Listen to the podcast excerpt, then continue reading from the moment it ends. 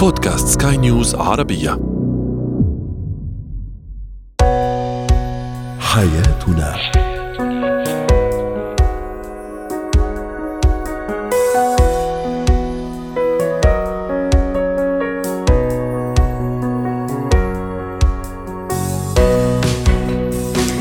مستمعينا الكرام أهلا بكم معنا إلى حياتنا. فضاؤكم اليومي الذي يعنى بشؤون الأسرة وباقي الشؤون الحياتية الأخرى والذي يمكنكم الاستماع إليه عبر منصة سكاي نيوز عربيه dot com slash بودكاست وباقي منصات سكاي نيوز العربية الأخرى. شاركونا عبر رقم الواتساب 00971 561 ثمانية ثمانية ستة اثنان اثنان ثلاثة. معي أنا أمال شاب. اليوم نتحدث عن الشريك الذي يعمل في مناطق الصراع وفي بؤر التوتر في العالم كالمراسل الحربي المراسل الصحفي أيضا العسكري الجندي الجندي وحتى الكوادر الطبية الموجودة في مناطق الصراع وبؤر التوتر كيف أيضا العلاقة والحياة الزوجية ومع خصوصية هذا العمل عمل الشريك؟ أيضا آه، في زينة الحياة هل يجب أن نشرح للطفل معنى الحروب وأم بالعكس يجب أن نغض بصره إذا صح التعبير عن الحروب؟ وإذا كان كذلك الأمر نعم كيف نفهمه حقيقة ما يحدث بما يتناسب مع سنه وإدراكه وأخيرا كيف نتعاطف أيضا مع الآخر في بؤر التوتر وفي بؤر الصراعات رغم البعد رغم آه، ربما بعد المسافة وعدم التطابق في اللغة والعرق واللون لكن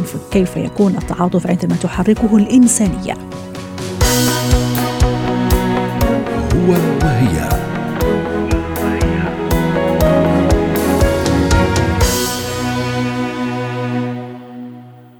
أن قوام الحياة الزوجية السعيدة هي تفهم الطرف أو الشريك للطرف الآخر خاصة فيما يتعلق بطبيعة عمله. هذه نقطة جدا مهمة. والحديث اليوم عن الشريك الذي يعمل في آه، بؤر الصراع ومناطق التوتر في العالم مناطق الحروب أيضا في العالم. كمراسل الحربي مثل ما أشرنا المراسل الصحفي الجندي العسكري الكوادر الطبية أيضا والصحية التي يلزم عليها أن تكون في بؤر التوتر وبؤر الصراع لإنقاذ ما يمكن إنقاذه من الجرحى. للحديث عن هذا الموضوع رحبوا معي بالدكتور أسامة النعيمي الاستشاري النفسي والأسري ضيفنا العزيز من الرياض. يسعد أوقاتك يا دكتور أسامة أهلا وسهلا فيك معنا اليوم. الحديث جدا مهم ويعنى بشريحة معينة وبشريحة خاصة من الأزواج اللي لهم خصوصية في الحقيقة عملهم له خصوصية ويلزموا كثير من الصبر والجلد والاحتمال والتحمل سواء من طرفه أو من طرف الشريك يا دكتور أسامة. إلى أي درجة أنا أتعامل فعلا مع وضع شوي ليس كبقية الأوضاع والظروف في الحياة الزوجية لما يكون عندي شريك يعمل في بؤر التوتر في قلق أكيد في خوف أكيد لكن في نفس الوقت لازم يكون عندي كثير من المقومات حتى أتحمل هذا الوضع.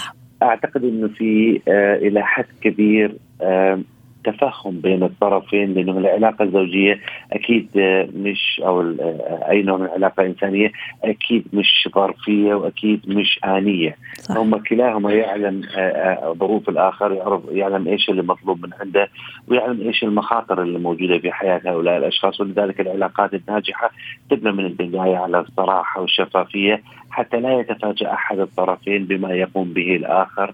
سواء أمام الناس أو داخليا لأنه هذا نفس الشيء ممكن يقال عن مثلا الدبلوماسيين أو المبتعثين أو الاشخاص الآخرين اللي فجأة يعني يتعرض الطرف الآخر من العلاقة لفقدانهم من الصورة نتيجة ظروف عملهم أو ابتعاثهم أو دراستهم. 100% رائع وحضرتك تعرف أكيد إنه هذا هذا تكليف يعني وما فيه مثل ما أشرنا العسكري الجندي حتى الصحفي مراسل الحربي الكوادر الطبية ما فيها ترفض هذا النوع لأنه في النهاية طبيعة عملها أحيانا يجي فجأة أحيانا يجي من غير ما نعمل له حساب. الأسرة عم تعيش حياة عادية. فجأة يجي تليفون يجي التكليف وبين عشية وضحاها هذا الزوج وهذا الشريك مش موجود بين أولاده وبين أطفاله وبين عائلته وبين أسرته أيضا.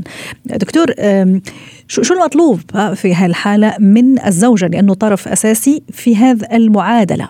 أعتقد هو يجب أن يكون في تفاهم لطبيعه الحياة اللي فرضت عليهم كلاهما.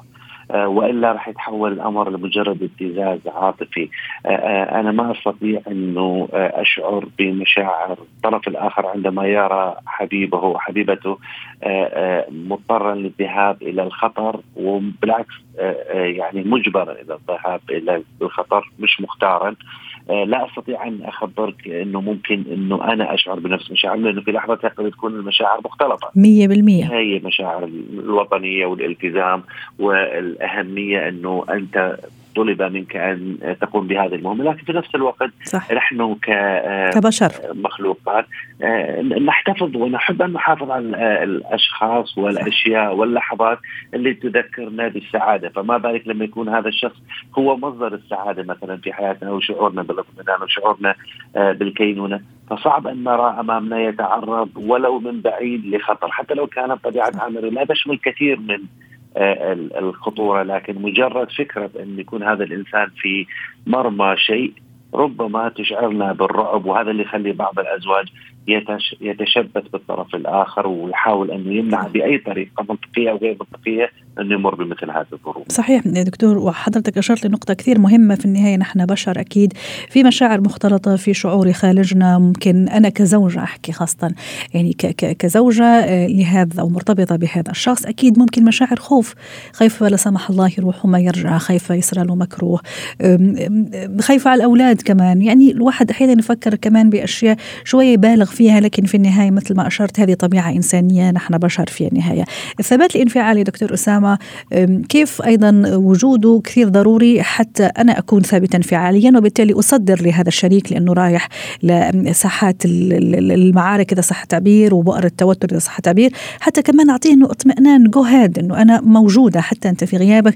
أنا راح ألعب دور الأب ودور الأم وأنا راح أكون يعني راح أغطي هذا الفترة إذا صح التعبير وما تشيل هم للأولاد ولا للبيت ولا للاسره أكيد مش سهلة لكن هذا الثبات الانفعالي قديش مهم يا دكتور أسامة؟ هو مش بس إنه في وجود أو عدم وجود الأولاد هو مجرد فكرة آه، تعزيز فكرة إنه أنا بانتظارك وأنا سأحافظ على نفسي وعلى بيتي وعليك. هذا يعطي الطرف اللي سيذهب لمواجهة الخطر أسباب أكثر للحفاظ على نفسه م. أسباب أكثر للعودة بالسلام أسباب أكثر لمحاولة المحافظة على نفسه لأنه يعلم الآن على عمق المسؤولية الموقعه على عاتقه وإنه في أرواح تنتظره وإنه في صح. آه، مشاعر لأشخاص قد يكونوا متعلقين به مش بس ماديا ربما عاطفيا وربما جسديا وربما حتى روحيا لمجرد إنه هو آه، آه، مكون أساسي في الأسرة.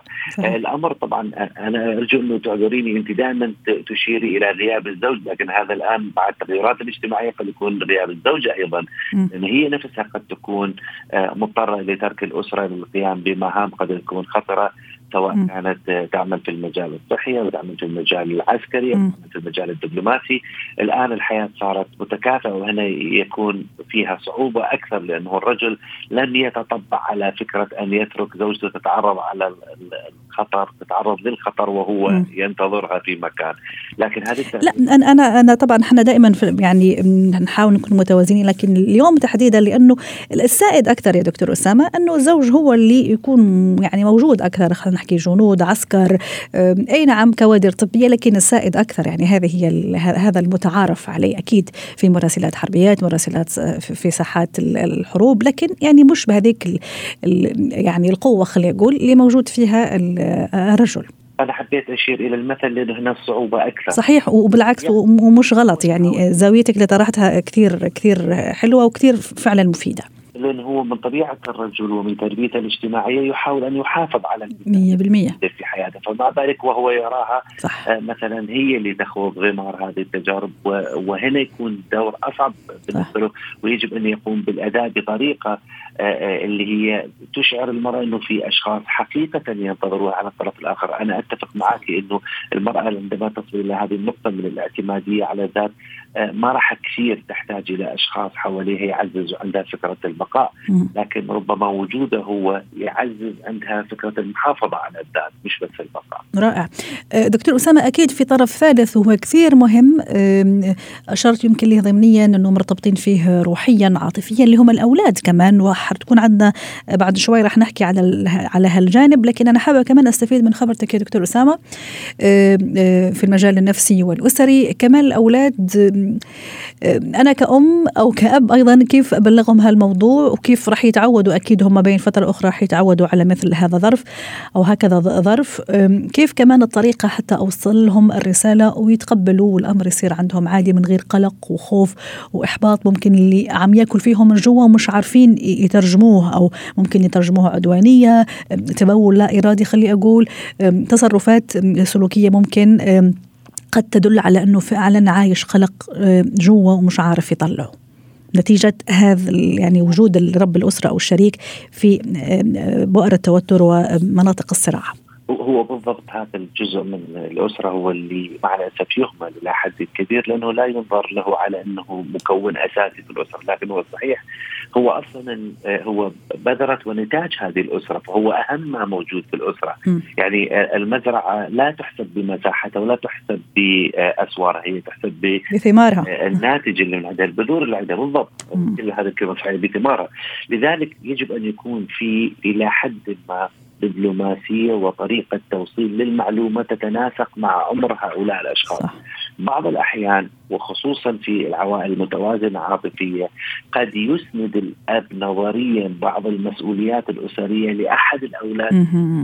نحاول إنه يفهموا إنه انت أنت اللي راح تكون أنت الرجال. أنت كبير البيت وأنت اللي اي وهنا يجب أن تكون بأسلوب اللي هي تقنع الطفل إنه يجب أن يكون عنصر إيجابي في الأسرة لأنه لو ترك الأمر للطفل نفسه راح يحدث بالضبط اللي قلتيه حضرتك انه قد يشعر بالخوف قد يشعر بالقلق صح. بالاكتئاب بعض الأحيان قد يتنمر على أقرانه ينفس عن كمية الغضب والخوف الداخلي قد يتراجع فكريا فيبدأ يتبول صح. على نفسه ويبدأ ينكس فكري ينقص فكريا وكمان نتائجه في المدرسة ممكن تتراجع لأنه صارت عنده هذا فعل الكركبة. هو صغير لكن في نفس الوقت حمل مسؤولية أكبر أكبر من عمره. يعني في النهاية حتى نختم معك ونودعك على خير يا دكتور أسامة. الموضوع فعلا يحتاج لصبر وقوة وتحمل وجلد وأهم شيء تعاون واتفاق من البداية. شكرا لك دكتور أسامة أسعدتنا وأتمنى لك يوم سعيد ضيفنا العزيز من الرياض الاستشاري النفسي والأسري. زينة الحياة. ماذا تعني كلمة حرب بالنسبة لطفل صغير؟ هل من الضروري أن أشرح لطفلي معنى حروب معنى صراعات ومعنى ما يشاهده على التلفزيون على وسائل التواصل الاجتماعي آه، أم العكس كيف تكون العملية من الناحية التربوية. رحبوا معي بالأستاذة نور وليد الخبيرة التربوية. يسعد أوقاتك يا أستاذة نور. أهلا وسهلا فيك. آه، هل الطفل في سن معينة خلينا نقول سبعة ثمان سنوات أكيد مش سنتين وثلاثة لأنه ما راح يستوعب الموضوع لكن ست سبع ثمان تسع سنوات وما فوق إلى غاية مرحلة المراهقة أكيد مع كل ما نشوفه الآن خاصة في الفترة الأخيرة أوضاع الأوضاع الحروب خلينا نقول وهذا الصراعات اللي عم تصير وكل وسائل التلفزيون والإعلام وسائل التواصل الاجتماعي لا تخلو من هكذا صور وفيديوهات وأخبار. أنا شو وضعي مع هذا المراهق أو مع هذا الطفل لما يجي يسألني ماما شو عم يصير؟ ماذا يعني حرب؟ ماذا يعني قصف؟ ماذا يعني قذائف؟ ماذا يعني دمار وقتل؟ كيف أوصل له الفكرة بس بطريقة سلسة وبسيطة وبسيطة يستوعبها عقله وتفكيره؟ طبعا الأطفال هلأ صار عندهم إدراك إنهم يسمعوا الأخبار بكل سهولة. إذا ما شافوها على اليوتيوب زي ما حكيتي أخبارنا داخل المنزل بس نفتح التلفاز إحنا ككبار ومستمعين. فلابد يعرفوا الأهل إذا الطفل سألك معناته هو خايف. هو يسأل أفضل من يضل صامت لأنه لو الطفل كان صامت فممكن الأخبار اللي عم بيشوفها أو بيسمعها وردات فعلنا أو من الصور المؤلمة المشاهد المؤلمة ممكن تعكس على نفسيته ممكن يصير يشوف كوابيس أو يصير عنده انعزال. أما إذا سألك فهذا مهم جدا جدا إنه إحنا لازم نغير الفكرة اللي راسمة براسه ولازم نفسرها بطريقة آه، تربوية ونفسية إنه يستوعب شو عم بيصير وبنفس الوقت عشان ما تعكس على نفسيته. زي ما حكينا كلمة حرب هي دماء وقتل فإحنا لازم ما نفهم إنه في ضحايا وقتل. فينا نحكي كلمة الحرب هي آه، خلاف بسيط لابد إنه ينحل وممكن نعطيها تمثيلية كان ممكن اثنين أصدقاء تخانقوا مثلا على لعبة وممكن هدول الاثنين تخانقوا لابد إنه ممكن واحد يتأذى بس بالأخير في صلح في تغيير للأفضل. فإحنا لازم نغير الفكرة إن هي مش ظلم وقتل ودمار أكثر من هي فكرة خلاف بسيط وحينتهي ما راح يضل مستمر ولا حيصير في آه كمية الأذى اللي زي بتخيل الطفل مثلا المدينة كلها راح تنأذي. لا إنه بتكون ضحايا بسيطة ولكن سوف يلتقون الدعم النفسي والمعنوي المادي لكن أستاذة نور أحيانا كمان خلينا نكون واقعيين أحيانا كأسرة كنا مثلا عم نشوف على التي في مثلا نتفرج على نشرة الأخبار. وفي وجود هذا الطفل اللي عمره 8 9 سنوات فما أعرف يعني شو شو شو الحل. مثلا تلاقي رب الأسرة كثير حريص على يشوف الأخبار التلفزيون الأخبار تحديدا يعني نشرات الأخبار في بعض يعني الأزواج يعني كثير حريصين. ممكن كمان السيدات ممكن أحيانا بحكم العمل خلينا نقول هذا مثلا من الأشخاص اللي أحرص على أن يتابع آخر الأخبار. فقصدي هنا لما نكون كنا العائلة ملمة ومجموعة وعم تشوف نشرات الأخبار والطفل موجود أكيد عم يشوف هذا المشاهد وهذا القتل. كيف الوضع كيف راح يكون؟ هل غير مثلا القناة خليه يعني أصرف نظره لشيء آخر؟ كيف تكون الطريقة؟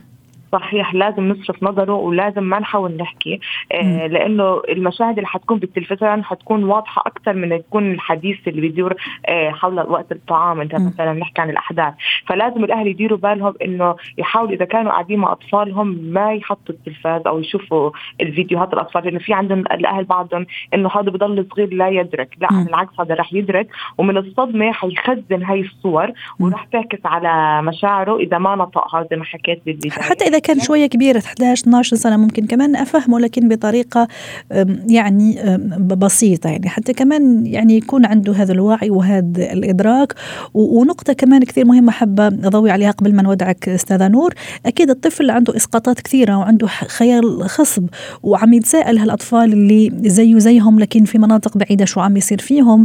من خوف ممكن ما عم ياكلوا ممكن متشردين هل ممكن يصير لي زيهم؟ عرفتي كيف؟ ممكن اللي عم يصير عندهم ممكن يرجع يصير عندي. القذائف اللي عم تسقط على بيته ممكن تسقط على بيتي. عرفتي؟ الخيال الخصب تبع الطفل ما فينا نتحكم فيه. فكيف أنا أوجهه أوجه هذا الخيال بشكل إيجابي؟ اولا لازم نقول له إنك أنت بتشعر بالأمان أنت بعيد عن الحرب. ثانيا لازم يفهم إنه هو لازم يصلح الوضع حتى هو لو طفل. يعني كيف؟ فينا نقول له إذا بدك تعال نصلح حال الأطفال اللي بتاثروا عن طريق الدعم المادي. ممكن يتبرع باواعيه بألعاب أه. دعم مع أهله. فهون بيشعر إنه هو أصلح الوضع. أحسن ما يضل يحس إنه في ظلم جميل. بس فقط آه. وأيضا إنه بلشوا الأطفال already صار عندهم ال social media وحسابات اللي بيطلع مواهبه الغنائية الموسيقيه العزف والرياضة. ممكن يصير يطلع يحكي رسالته. أنا أتمنى السلام والخير وبتمنى آه، يحكي بالدعاء. هون بنحسسه إنه هو كلمته مسموعة وإنه هو يتمنى الحال للأفضل. فهيك الطفل بنغير مشاعره الخوف والقلق إلى الأمان وإلى السلام ويشعر إنه لابد إنه هاي الحرب رح تنتهي ورح يتغير حال الأطفال المتضررين إلى حال أفضل. رائع. وأنا أتمنى لك كمان أيام جميلة و... وأيام أفضل. شكرا لك أستاذة نور هشام. نور وليد عفوا. مدربة مهارات الحياة وأتمنى لك كل الخير. مهارات الحياة. اليوم آه، أيضا سنتحدث عن التعاطف ومعنا نور لكن نور هشام هذا المرة آه، للحديث عن هذا الموضوع موضوع التعاطف كمان في الأزمات الإنسانية الكبيرة في الحروب حتى وإن كنا بعيدين عن بعضنا البعض يعني تفرقنا وتباعدنا المسافات والبحار والمحيطات والحدود أيضا وما تجمعنا لا لون ولا عرق ولا دين ولا لغة لكن جمعنا الإنسانية. التعاطف في مثل هذه المواقف. الحديث عن هذا الموضوع. رحبوا بنور هشام مدربة آه، حياة. يسعد أوقاتك يا أستاذة نور. أهلا وسهلا فيك. ما الذي يحرك التعاطف بيننا كبشر في مثل هذا الظروف؟ ظروف الحروب الأزمات الإنسانية الكبرى خلينا نقول حروب مجاعات آه، فيضانات كوارث طبيعية بيئية. أنا شخص ما أعرفه يبعد عني آلاف الكيلومترات لكن أتعاطف معه. آه خلينا حابة أبدأ أول شيء بجملة هيك قريتها عجبتني إنه الجملة بتقول إنه نحن يمكننا أن نكون أقوياء بالمعرفة ولكن لن نصبح بشرا إلا بالرحمة والتعاطف. فقد موضوع التعاطف وإنه قيمة نبيلة جدا لابد إنه إحنا نتحلى فيها من باب الإنسانية آه، بالدرجة الأولى. طيب خلينا نقول أول شيء شو بنقصد مصطلح التعاطف. التعاطف فعليا هو إنه الإنسان يكون قادر على إنه يضع نفسه مكان غيره ويحاول يشعر بالظروف التي يعيشها أو المعاناة التي يعيشها الشخص الطرف الآخر. فعليا التعاطف هو ليس فقط في المعاناة قد يكون سواء بالحزن أو بالفرح ولكن الفكرة منه إنك تضع نفسك مكان الشخص الآخر. لو راح نركز على كيف أنا أتصرف حيال شخص آخر أو أحد أنا قد يكون بجانبي أو مثل ما ذكرتي حضرتك ممكن يكون بعيد عني صح. ولكن عنده نوع من المعاناة. بتلاقي الأشخاص هون بينقسموا لثلاث أقسام. القسم الأول بتلاقي شخص بيشعر بألم الطرف الآخر وبيستوعب معاناته وحزنه وبالتالي بيكون في عنده دافع إلى ردة الفعل والمساعدة تجاه هذا الشخص الآخر. الفئة الثانية بتلاقيهم بيصير في عندهم نوع من القلق. والارتباك هذا بيخليهم ما يعرفوا كيف إنهم يتصرفوا. يعني هو شاعر بالطرف الآخر ولكن مش عارف كيف يقدم له المساعدة. الفئة الثالثة هم الأشخاص اللي بيتهربوا من أي نوع من الشعور تجاه الآخرين وبيكونوا حريصين جدا على إنه آه، يهتموا فقط براحة بالهم ورفاهيتهم. هذا فعليا في نوع من الأنانية. فإحنا لو بدنا نركز على الفئة الأولى اللي هي أنا شخص بدي آه، شعرت بالطرف الآخر بدي كيف أقدم له المساعدة أو كيف أتعلم مهارة التعاطف. معه قبل هيك خلينا نقول إنه نحن في عندنا اختلاط نوعا ما بمصطلح التعاطف ومصطلح العطف. التعاطف فعليا آه، بتلاقي فيه التعاطف هو إنك تقدم أو يعني تشعر بالشخص وتقدم له نوع من المساعدة وتخفف عنه المعاناة اللي بيعانيها. العطف هو إنك تحزن على هذا الشخص وتشعره بالأسف على الشيء اللي هو فيه ممكن إنك تزيد من معاناته لأنه أنت فعليا بتحسسه إنه هو عنده شيء ما لازم يكون عنده إياه. رائع.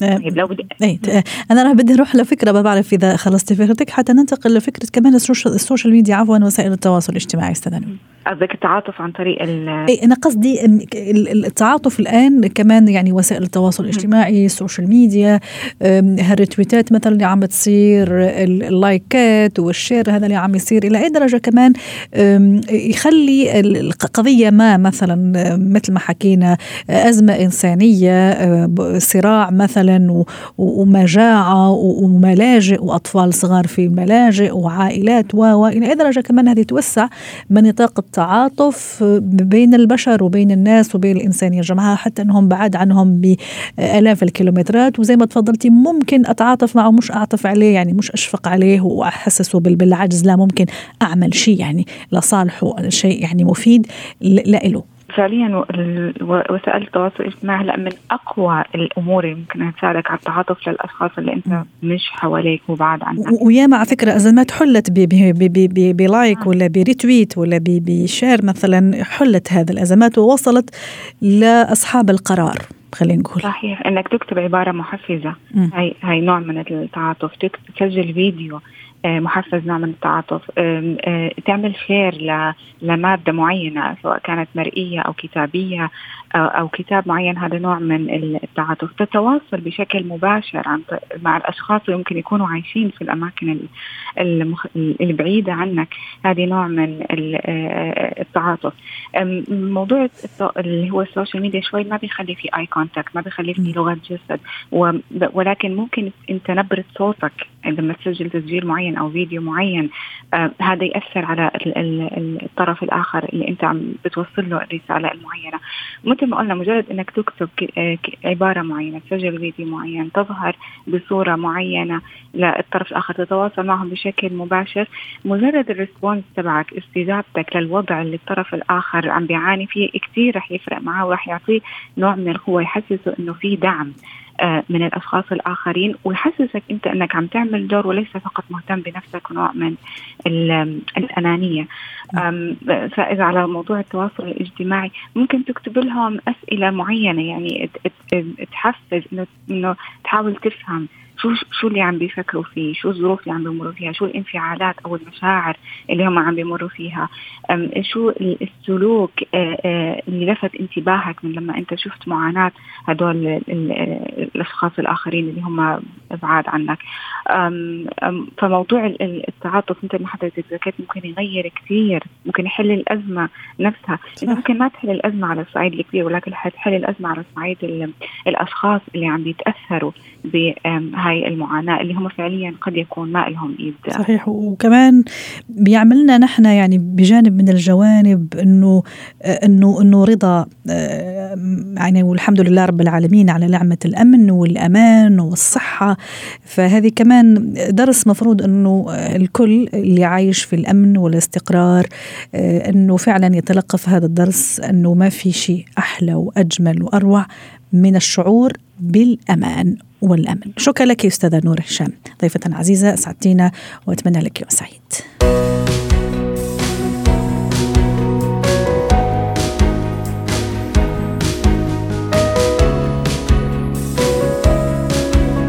ختام حلقة اليوم من حياتنا. شكرا لكم وإلى اللقاء.